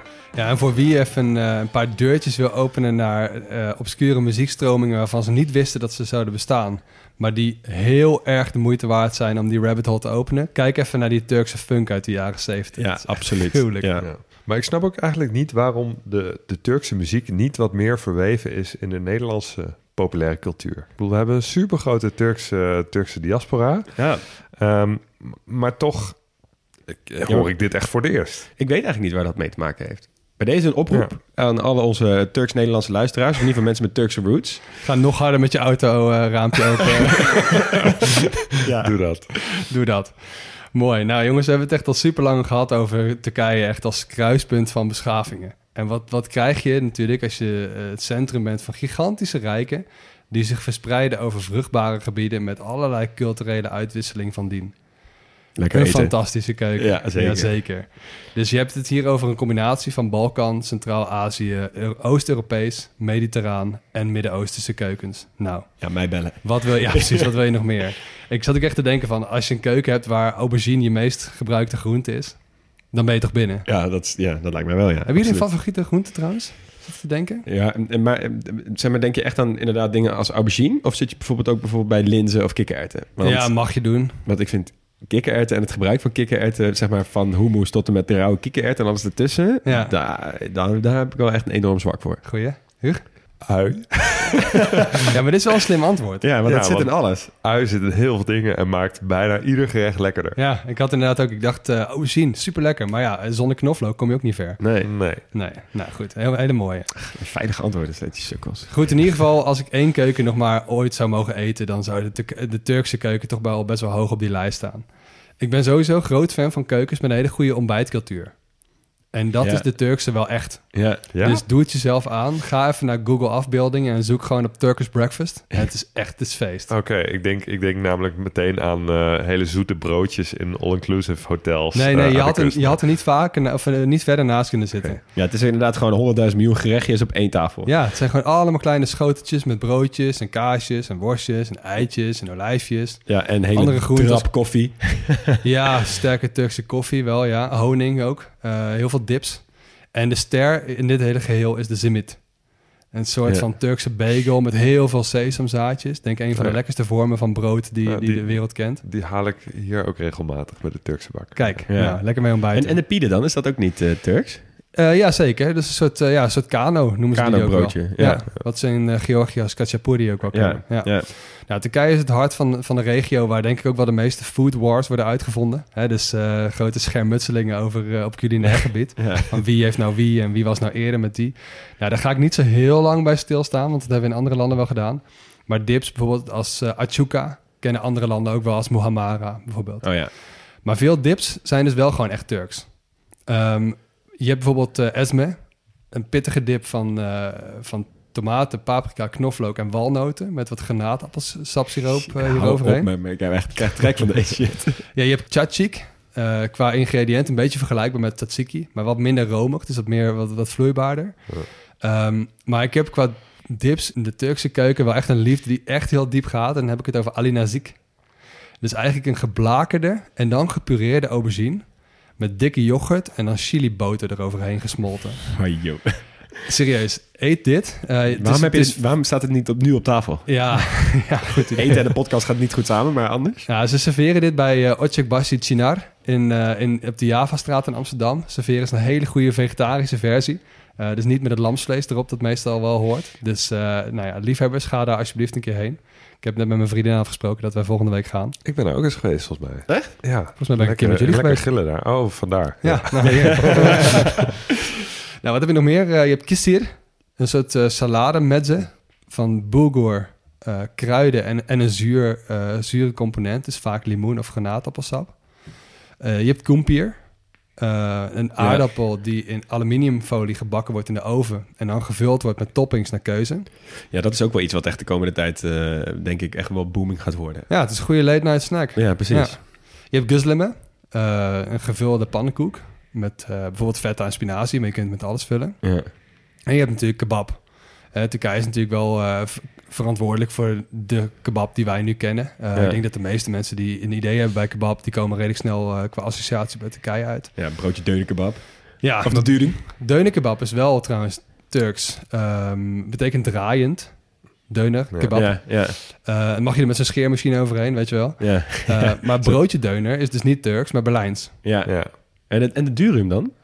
Ehm, ja, dat weet ik eigenlijk niet. Ik bedoel, want durum, en er zitten twee, eh, ja, twee typische Turkse letters in. Dat zou ik wel denken dat dat gewoon uit Turkije komt. Ja, Durum is natuurlijk een soort gewoon tarwe. plat, plat brood. Ja. Eh, dus, de, dus dat is... Hè, dat, durum, dat volgens heb mij... je ook in, in Armenië en... eh, Ja, met je tortillas ook in de rest van het. Midden-Oosten. Ja. Ja, ja. Maar goed, eh, laten we niet die kant op gaan. Nee. Ehm, als je wel even kebab gaat onderscheiden, dan heb je twee belangrijke soorten. Je hebt shish kebab aan de ene kant, dus eh, stukjes vlees op stok eigenlijk. Hè, dus wat we ook eh, als uh, shaslik kennen, tot en met saté. Eh, en je hebt Adana kebab, dat is meer zo'n geperste gehaktstaaf om zo'n spies. Oh ja, ja, ja, ja. Nou, daar kun je natuurlijk ook weer helemaal gek op gaan. Dus je hebt kuften, bijvoorbeeld ook, kleine gehaktballetjes. Eh, en ook even een eh, eervolle vermelding van eh chikkuften. Kleine ovale balletjes van rauw gekruid vlees van origine. Maar in 2009 oordeelde het Turkse gezondheidsministerie... dat het warme klimaat van Turkije en rauw vlees niet zo'n lekkere combinatie Oh, waren. dus dat is gewoon verboden. Dus het mocht niet meer met vlees, nee. Hmm. Eh, nu wordt hij vaak vegan gemaakt met, eh, met aardappel, burger en urfa biber. Eh urfa is wel lekker trouwens. Het is een beetje gedroogde en gemalen peper eh, met een soort zwart-paarse kleur. Een beetje een zoete, rokerige smaak. Heel Oh ja. lekker. Hm. En die nieuwe versie wordt ook wel jalanchi genoemd. Misschien eh, spreek ik het iets verkeerd uit, maar eh, vertaalt zich rechtstreeks naar leugenaar. Ja, Een beetje grappig. Ja, leuk. Ja. Nou, qua bij. baklava hebben ze eh, wel wat oneenigheid met andere landen. Maar eh, Gaziantep staat wel bekend als de baklava-stad. Ja. Ja. Eh, ik vond nog interessanter wel kunefe. Kennen jullie dat? Nee? Dat is ook een soort dessert. eh, lijkt op baklava-deeg, maar dan van hele kleine sliertjes. Eh sliertjes deeg. En die is gevuld met een soort witte kaas. En overgoten met siroop. En dan getopt met, eh met pistachenoten. Shit. Denk een beetje een soort van baked camembert. Ja, Weet je wel? Zo'n ja. idee. Ik weet Nou, niet ik- of het is op de manier hoe je het uitspreekt of wat je doet. Of omdat ik gewoon onbewust blijkbaar trek heb. Maar alles wat je zegt klinkt echt ziek lekker. Ja, het is ook echt... Ja, maar goed. ja, wat een keuken, hè? Ik Ja. noemde trouwens ook even dat kunefe, omdat eh, het wereldrecord in 2017 gezet is in Turkije. Eh, we hebben pas natuurlijk genoemd, hè, Jonas van Impe, onze, onze geluidsmonteerman, die, eh, die de grootste eierbal ter wereld had gemaakt. Ja. ja. die kunefe, die kan er ook wel wat van. Want die was 78 meter lang, die woog 1550 kilo. Wow! Holy shit. Krankzinnig. Ja. En dan natuurlijk heel even drinken, jongens. Want ehm, Turkije is de absolute alleenheerser als het gaat in, eh, om theeconsumptie per hoofd van de bevolking. Ja. Ja. Eventjes. Ierland staat op nummer 2 met 2,19 kilo pp per jaar. En Turkije op 1 met 3,16. Dus moet je, gro- moet je nagaan hoe maar groot het verschil even. het is. Kilo thee. Dus niet liter thee, Nee, maar nee. kilo Wat je in je eh, thee kruiden, stopt. zeg Ja. maar. Ja. Oh. En die Britten maar pochen met dat is ook veel thee drinken altijd. Ja. gewoon en de Ieren en de Turken ze veel Komen niet verder eens in de voor buurt. Ja. Nee. En dan moet ik ook even wat alcohol noemen, want het wordt op zich ook nog wel gedronken in Turkije. Ook al dat- is het een eh, islamitisch land. Je hebt natuurlijk Efes, het lokale bier, echt een groot merk. En de nationale drank Raki. Ja. een drankje in de lange lijst van, eh van anijslikeuren, waar jij zo'n fan van bent, Leo. Eh Jenny Raki is toch een beetje het vlaggenschip van die, eh, van die markt. Eh, ik wilde nog een klein flesje halen, maar ze hadden alleen maar hele grote flesjes. Ik ken ons een beetje, dan staat hij er over vier jaar nog. Ik ben blij dat je dat niet hebt meegenomen. Ja, dus, eh, die is je bespaard Iets gebleven. smerig is, is dat het wel. Nou, Turkije is ook nog eens een behoorlijk sportland. Want ehm, eh, ja, ze- zijn in best wel veel verschillende sporten best goed. Eh, voetbal is by far de meest populaire sport. Istanbul is echt compleet voetbalgek. Ja. Eh, de drie grootste clubs zijn eh, Galatasaray, traditioneel de club van de elite uit het Europese deel van de stad. Fenerbahce, traditioneel de club van het volk uit het Aziatische deel van de stad. Dan heb je ook nog Besiktas, ehm, dus ook een echte volksclub met een hele sterke linkse signatuur. En misschien nog wel de meest fanatieke aanhangs. Ze zijn bijvoorbeeld houder van het geluidrecord op voetbaltribunes met 132 decibel. dat is echt een heerlijk, heerlijk record om te hebben. Ik ben ooit naar de, naar de grote bazaar geweest in Istanbul. Echt onwetend als we waren, 16 jaar oud. En toen hadden we had een maatje van mij, die had een shirtje van Galatasaray gekocht. Een ander maatje had een shirtje van Fenerbahce gekocht. En ik had een shirtje van Besiktas. Ja, ik heb En dan gingen we- precies hetzelfde gedaan. Oh ja? En dan gingen we samen over straat. En dan gewoon, ja, mensen keken ons aan. en dachten van, oké, stomme toeristen. Hier gaan we niet eens een ruzie over uitvechten. Nou, ik, denk, ik denk dat ze daar dagelijks wel mee te maken Ja, dat, hebben. dat denk ik dat ook. soort bazare Ja. situaties. Ja. Ehm, eh, van die clubs is eh, internationaal Galatasaray trouwens het meest succesvol geweest. In 2000 hebben ze de UEFA Cup gewonnen met ehm, een team, nou echt fantastisch Alleen maar sterren. Ja. Ja, Tafarel zat daarin, Braziliaanse keeper. Popescu, Hadji, Roemenië was goed vertegenwoordigd. En de Turkse superspits Hakan Şükür. Zo. Ja. Die was ook sterspeler van het nationale team. Dat werd derde op het WK van 2002. Zo. Ja, die, die, die hebben het toen echt, eh, echt heel goed gedaan. Met Dat was een pech iconisch- uitgeschakeld door Brazilië de halve finale. Een iconisch team was dat, joh. Met Rustu. Zeker, ja. Eh, op de Olympische Spelen hebben ze niet zoveel voetbal, maar toch ehm, niet onverdienstelijk. Eh, hoeveel medailles denken jullie in totaal? In totaal medailles? Pff, 60. 70. 104. Oké. 41 goud. Ehm, van die 104 medailles wonnen ze er 66 met de nationale sport. Ja, worstelen of zo? Ja, worstelen. de rest met, met gewichtheffen, taekwondo, karate, judo en boksen. Jezus, dus ze zitten goed in de, in de vecht- en verdedigingssporten. Ja. Ehm, op de winterspelen doen ze altijd mee, maar hebben nog nooit een medaille gewonnen.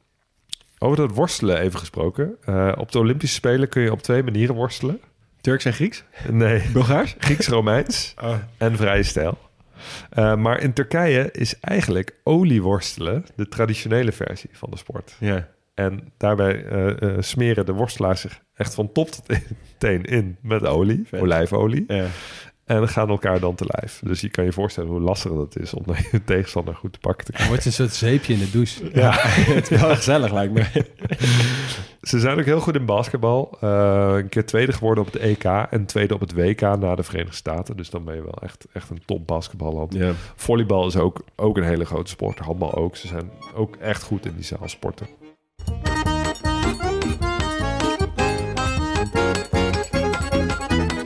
Nou jongens, gaan we weer terug naar onze oude eh, eindvraag. Namelijk, wat maakt dit land uniek? Nou, wat ik wel tof vind aan Turkije is dat zij dus van alle kanten ehm, landen hebben beïnvloed. En die landen hebben hun beïnvloed. Daarmee is het een soort draaischijf hè, van eh, west naar oost. Ja. Maar je kunt dus niet spreken van Turkije als smeltkroes.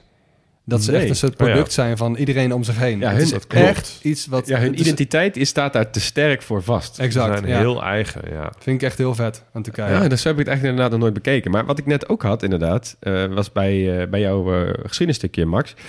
ehm, dat als eh, iemand als Atatürk er niet was geweest... en Turkije dus waarschijnlijk een, eh, gewoon een volledige islamitische staat was geweest... hoe had de wereld er dan uitgezien? Dat zeg maar, dan was het geen NAVO-bondgenoot geweest... dan waren ze waarschijnlijk eh, op een andere manier omgegaan Ja. met het Westen. eh, ja. Dan was het in ieder geval niet de bufferstaat geweest die het nu eigenlijk in de 20e eeuw is geweest. Precies, waar Europa van zegt... oh, fijn dat jullie er toch zijn, we willen jullie toch dichtbij houden. Ja. Ik ben heel... Dat is echt zo'n belangrijk moment in de Europese geschiedenis geweest. Veel meer dan mensen hier beseffen, denk ik. Ja, ja, ja, En hoe ze dat in de toekomst ook gaan invullen, die rol. Ja, ben ik ook heel benieuwd naar. ja. Ja, wat maakt het land uniek? Ja, misschien niet echt uniek, maar ik, ik, vind, het, ik vind Turkije zo'n fascinerend land in alle opzichten. Ja. Kijk, soms heb je een land waarvan je denkt, ja, daar is de geschiedenis heel interessant van. Of daar kan je heel lekker eten. Of hè, die kunnen een of andere gekke sport heel goed. Ja. Maar bij Turkije heb ik dat bij alles. Ja, dat is echt waar. Ja. Eh, ik zou hier zo graag nog een keer langere tijd willen zijn. En, eh, en meer over leren dan ik, dan ik nu heb geleerd. Ja. Ik heb ook echt wel eh, veel sympathie voor de Turkse cultuur. Weet je, voor, eh, voor alles wat het leven mooi maakt. ja. Ja, En ik, ik vind dit ook, zeg maar, eh, wat je ook ziet, wat je ook leest in die bronnen, die Turken zijn ook echt doeners. Gaan er gewoon voor. Zeg maar, los van het ondernemen of zo. Maar je ziet het dus nu ook weer met, die, eh, met de gevolgen van die, van die aardbeving bijvoorbeeld. Hoe snel en hoe goed en hoe eh, standvastig die Turkse hulpdiensten en alles daaromheen en die bevolking ook weer eh, in het harnas springt om elkaar te helpen. Ja, dat, daar kan echt wel menig land een puntje aan zuigen. En ik, dat heeft natuurlijk, het staat hand in hand met die trots waar, die, waar we aan het begin van de aflevering het even over hebben gehad. Die zijn natuurlijk heel erg hebben voor hun nationaliteit en voor hun gevoel. Maar dat maakt ze, ja, vind ik, dat vind ik altijd wel heel aansprekend in, die, eh, in dat land. Ja. Ja. En als we ons toch even een dagje gaan verwonderen over die, eh, eh, de aansprekendheid van dat land. Waar gaan we dan heen? Ja, ik Ja. ga Istanbul, ik ben er nooit geweest. Dus dat is easy for me. Ja, zo. Ja, ik ga, ik ga ook gewoon weer naar Istanbul. Absoluut. Wat een stad. Echt, wat een... Hè? We, gaan, we behandelen tegenwoordig eh, ook af en toe wereldsteden. Istanbul gaat ook zeker komen. Ehm, Zo, uitspraakje?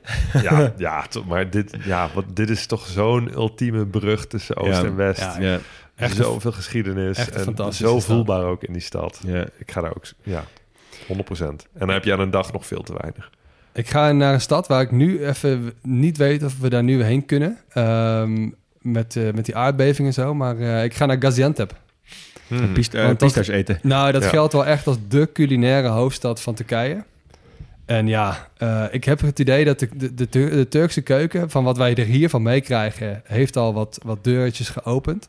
Maar ik heb het idee dat daarachter die deurtjes, oei, oei, oei, Ja. daar is Ja. echt nog zoveel te vinden waar wij nooit van iets van meekrijgen hier. En het is natuurlijk ook wel een goed moment eh, om in die regio de lokale economie een beetje te steunen. Want eh, dat Ja. zullen ze wel nodig gaan hebben de komende tijd. Ja, zeker. Zeker. Ja. Oké, dank jullie wel heel erg voor het luisteren naar dit hoofdstuk van de grote podcastlas. Je hoorde vanuit de huiskamerstudio in Utrecht Leon Max Gerritsen en Hugo Noordman. De eindmontage wordt gedaan door Jonas van Impen. Zoals je hoorde zijn we nooit volledig wel origineel, geen experts en wel liefhebbers. Hebben we iets verkeerd gezegd of zijn we iets cruciaals vergeten? Volg ons dan even, laat het weten via Twitter of Instagram op @grotepodcastlas. En kijk natuurlijk even op grotepodcastlas.nl. We hebben mazzel, want we zijn nog niet helemaal klaar met Turkije. Want volgende week verwelkomen wij een gast, namelijk Suzanne Yücel.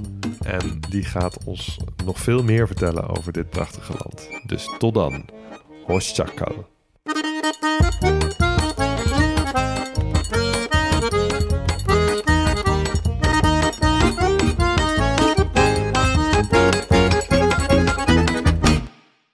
Luisteraar. Luister je nog steeds? Klasse, man. Je hebt er gewoon helemaal afgeluisterd. Nou, nu je tot hier bent gekomen, koop dan ook gelijk even ons boek, hè. grotepodcastlas.nl slash boek. Doei!